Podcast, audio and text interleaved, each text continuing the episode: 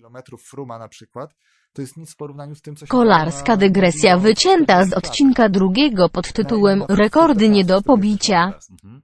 Na przykład był taki Francuz, Albert, Albert Bourlon, który uciekał i dojechał do mety przed peletonem przez 253 kilometry.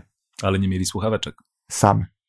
Sam Nie. jechał przed peletonem. Tak, wiem, zjechał sam, ale nie mieli, nie było teamów i nie mieli słuchaweczek, prawda? A wyobraź sobie, o ile ten etap Giro byłby ciekawszy, jak tych dwóch z Ameryki Południowej, Carapaz i Angel Lopez, zaczęliby współpracować trochę?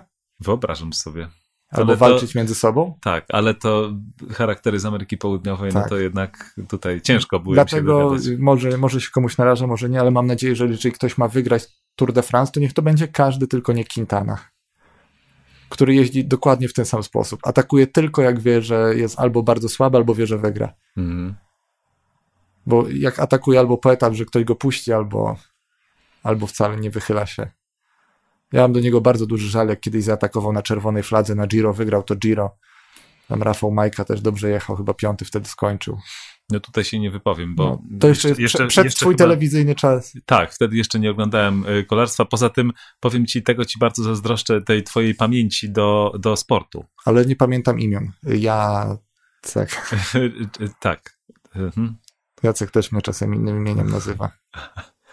Tak, tak.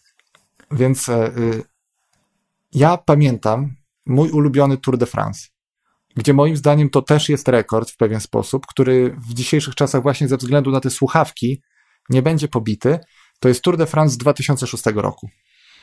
Z Lansem, czy już bez? Już bez Lansa. To Bez jest Lansa. pierwszy tour chyba bez Lansa, ale jest y, jego były pomocnik faworytem. Nazywa się Floyd Landis. Mhm. I wyścig sobie jedzie, już, już się układa e, powoli e, klasyfikacja generalna i Floyd Landis, który jest liderem, okazuje się, że e, jego drużyna, Fonak, A przepraszam, że ci wejdę słowo, ten Floyd to sprinter, gular, Góral, góral. Góral, on jedzie na generalkę, Okej. jest góralem Mhm. i okazuje się, że jego drużyna, która nazywała się Fonak, Mhm. ma problemy o tyle, że w górach jest w stanie mu dotrzymać koła tylko jeden, e, po, dotrzymać pomocy, czy pomóc tylko jeden z jego kolegów z drużyny. Ma tylko jednego pomocnika, który ma również świetne nazwisko kolarskie, to jest Axel Merckx. Okej. Z tych Jakaś, Merksów. jakaś z tych rodzina? Merksów. Z tych Merksów. Z tych Merksów. I okazuje się, że w związku z tym e, bardzo na rękę by mu było na najbliższe dwa czy trzy etapy oddać koszulkę lidera komuś innemu. Mhm. Komuś innemu, kto musiałby wtedy jej bronić na przykład, czyli kontrolować wyścig. I nadarza się taka okazja, bo odjeżdża ucieczka, w której jest e, jeden świetny kolarz, Jens Voigt, Okej. człowiek, który po prostu niezmordowanie zawsze ucieka, który jest znany z cytatu, e, który mówił podobno swoim nogom w momencie, kiedy odpuszczają, że shut up Lex. Mhm. E, I Jens Voigt wygrywa ten etap. To jest etap 13, czyli w zasadzie koniec drugiego tygodnia ostatni. Ale drugi na mecie jest niejaki Oscar Pereiro Sio. I Oscar Pereiro przyjechał na ten wyścig jako pomocnik Alejandro Valverde. Ale Valverde się na początku wywrócił, złamał obojczyk i drużyna Kes de Parn, dzisiejszy Movistar, zostaje bez lidera. I Oscar Pereiro po prostu się zabrał w ucieczkę. Okazało się, że ta ucieczka została puszczona na tyle dużo, żeby on został liderem wyścigu.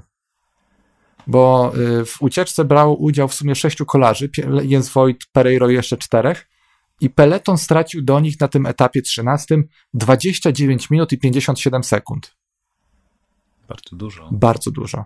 Y, Limit czasu, bo jest limit w wyścigach kolarskich, by- był na tym etapie 29 minut, czyli cały peleton powinien być zdyskwalifikowany, ale jest taki regulamin, że jeżeli ponad 20-20% kolarzy przekracza limit, to tak jakby się znosi. Mhm. No i wszyscy byli dopuszczeni do kolejnego etapu, a Oscar Pereiro miał żółtą koszulkę lidera. Mhm. Ale nikt, on był anonimowy dla większości zawodników wtedy. No i potem jest etap 14, 15, które są płaskie raczej dla harcowników, przyjeżdżają ucieczki, coś tam chyba wygrywa Popowicz. I przychodzi etap 16, gdzie oczywiście Pereiro, jak się pojawiał góry, troszeczkę traci z tej swojej przewagi, którą miał. Miał tam około chyba minutę z kawałkiem. I nagle przychodzi etap 16 i Landis, który był liderem wyścigu, najprawdopodobniej miał ten wyścig wygrać, traci 10 minut do zwycięzcy. Mhm. Jednocześnie cała jego przewaga się rozpada, wypada z pierwszej dziesiątki klasyfikacji No tak, generalnej. no tak. Wygląda to tak, jakby po prostu człowieka odcięło w górach. po prostu nie istniał na etapie pod górę, a Pereiro przyjeżdża przed nim, przyjeżdża w czołówce. Traci minutę do tych pozostałych faworytów, ale nagle ma przewagi ponad minutę, prawie minutę nad Carlosem Sastre, Mhm. dobrym góralem, a nad Lendisem to jest już Przepaść, te 10 minut. 6, tak? 7 minut, Mhm. 8 minut. I wszyscy rozpatrują to, że człowiek, który przyjechał jako pomocnik, dzięki półgodzinnej ucieczce może wygrać wyścig. I przychodzi etap 19. I na tym etapie, y, y, i przy, przepraszam, przychodzi etap 17, to był 16 wcześniej, i na tym etapie 17, 120 km przed metą, Landis atakuje sam. A przed nim są trzy ogromne góry. Coś jak Frum w tym roku. Coś jak Frum w tym roku. Mhm. I na początku. Mhm. na, koło, na początku na koło mu siada właśnie Carlos Sastre, bardzo dobry góral, też zwycięzca Tour de France swego czasu. Na koło siada mu Andras Kleden, który wtedy też walczył o podium, był w czołówce, ale patrzą, że jest 120 km, zostają we trzech i odpuszczają go samego, Bo przecież i tak nie da rady. bo przecież i tak nie da rady. A on przez 120 km jedzie sam, robi przewagę, która sięga w pewnym momencie 9 minut nad faworytami, którzy zaczynają w pewnym momencie się niepokoić. Oblewa się niespotykaną ilością wody. Ja nie widziałem, żeby ktoś tyle wody na siebie wylał. On dosłownie wylewał wodę co pół minuty, cały bidon na siebie. To ile musiał mieć tej wody, w sensie skąd ją miał? Cały czas z samochodu dostawał już otwarte bidony. Jeden z Mhm. jednego brał łyka z otwartego bidonu i się polewał. Mhm.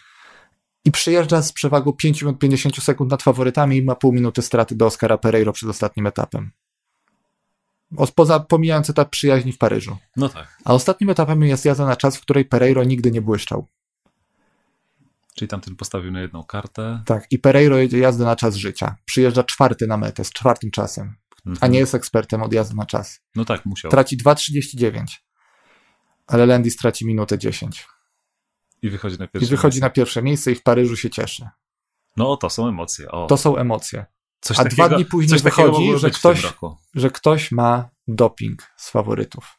Aha. I to jest Landis, I to jest Landis. któremu zabierają tytuł i w związku z tym Oscar Pereiro, moim zdaniem, Landis, który przyjął testosteron, nie dość, że udowodnili, że ten testosteron był syntetyczny, Właśnie chciałem powiedzieć, że skoro tak pięknie uciekał przez 120 km, chciałem nawet żarcik rzucić, bo nie znam tej historii. Pierwszy raz ją słyszę, kiedy ją teraz opowiadasz.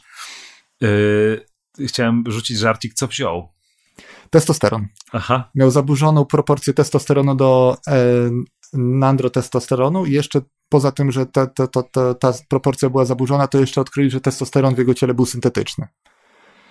I w związku z tym, moim zdaniem, ta ucieczka to nie dość, że jest jedna z najciekawszych, bo dała najbardziej nie, niespodziewanego zwycięzcę wielkiego turu w, w ciągu ostatnich, nie chcę skłamać. No Tom Dumoulin był niespodziewany, ale on był przynajmniej dobrym czasowcem.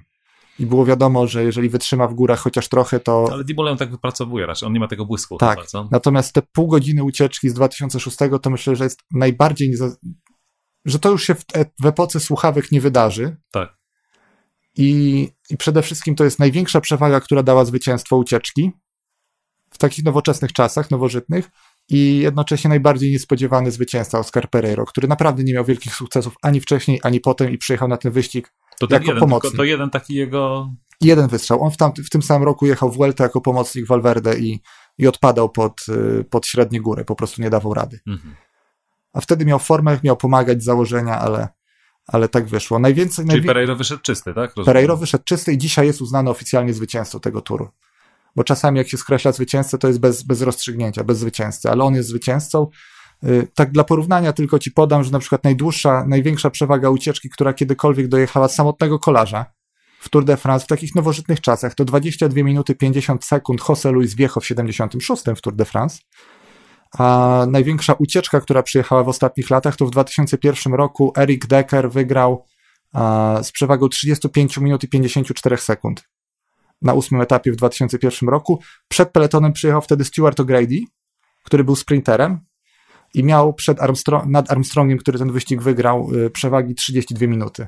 Mhm. I ją całą stracił. Jeszcze chyba miał ponad półtorej godziny na, na mecie w Paryżu Jeśli straty. ktoś nie siedzi w kolarstwie i nie ogląda wyścigów, to te cyfry, które ty, którymi rzucasz tutaj tak y, no, du- dużo, dużo tych cyfr, mogą się wydawać, y, no co to jest pół godziny? No to tutaj myślę, że warto, warto dodać, że jeśli w ogóle ucieczka To możemy dojeżdża, zachęcić, żeby, żeby Tak. obejrzeli wyścig, chociaż jeden jakiś górski etap, najlepiej górski etap, żeby sobie obejrzeli i wtedy Tak. zrozumiał, co to znaczy pół godziny w Tu, tu tylko trzeba się przygotować na to i mówię to z pełną świadomością. Lubię kolarstwo, naprawdę. Lubię sam jeździć na rowerze i lubię to oglądać. Trzeba się przygotować na to, że czasem to jest po prostu 5 godzin nudy i wszystko dojeżdża. Czasem tak. Czasem tak jest, powiem więcej, przez większość czasu mało, nie dzieje się dużo. Oczywiście też trzeba troszeczkę to czuć, ale czasem emocje są naprawdę niesamowite. I teraz, y, bo to chciałem dokończyć, że y, momentami na, na przewaga, powiedzmy, ucieczki 5 minut, 3 minuty, 2 minuty, to są, to są już całkiem spore wartości. Tak, A tak, kiedy tak. ty rzucasz teraz właśnie 30 minut i tak dalej, to to w dzisiejszych czasach jest praktycznie Nie do zrobienia. no nie do zrobienia, albo powiedziałbym, no niespotykane. O, może nie chcę powiedzieć nie do zrobienia, bo to się może wydarzyć. Znaczy no to się może wydarzyć, ale na pewno nie będzie to decydowało o zwycięzcy wyścigu. Tak. A w 2006 roku w nowożytnej historii kolarstwa zadecydowało, że ktoś Mhm. puścił ucieczkę, bo nie chciał bronić koszulki, a Dobre. potem musiał się pompować testosteronem. Link do całego odcinka w opisie.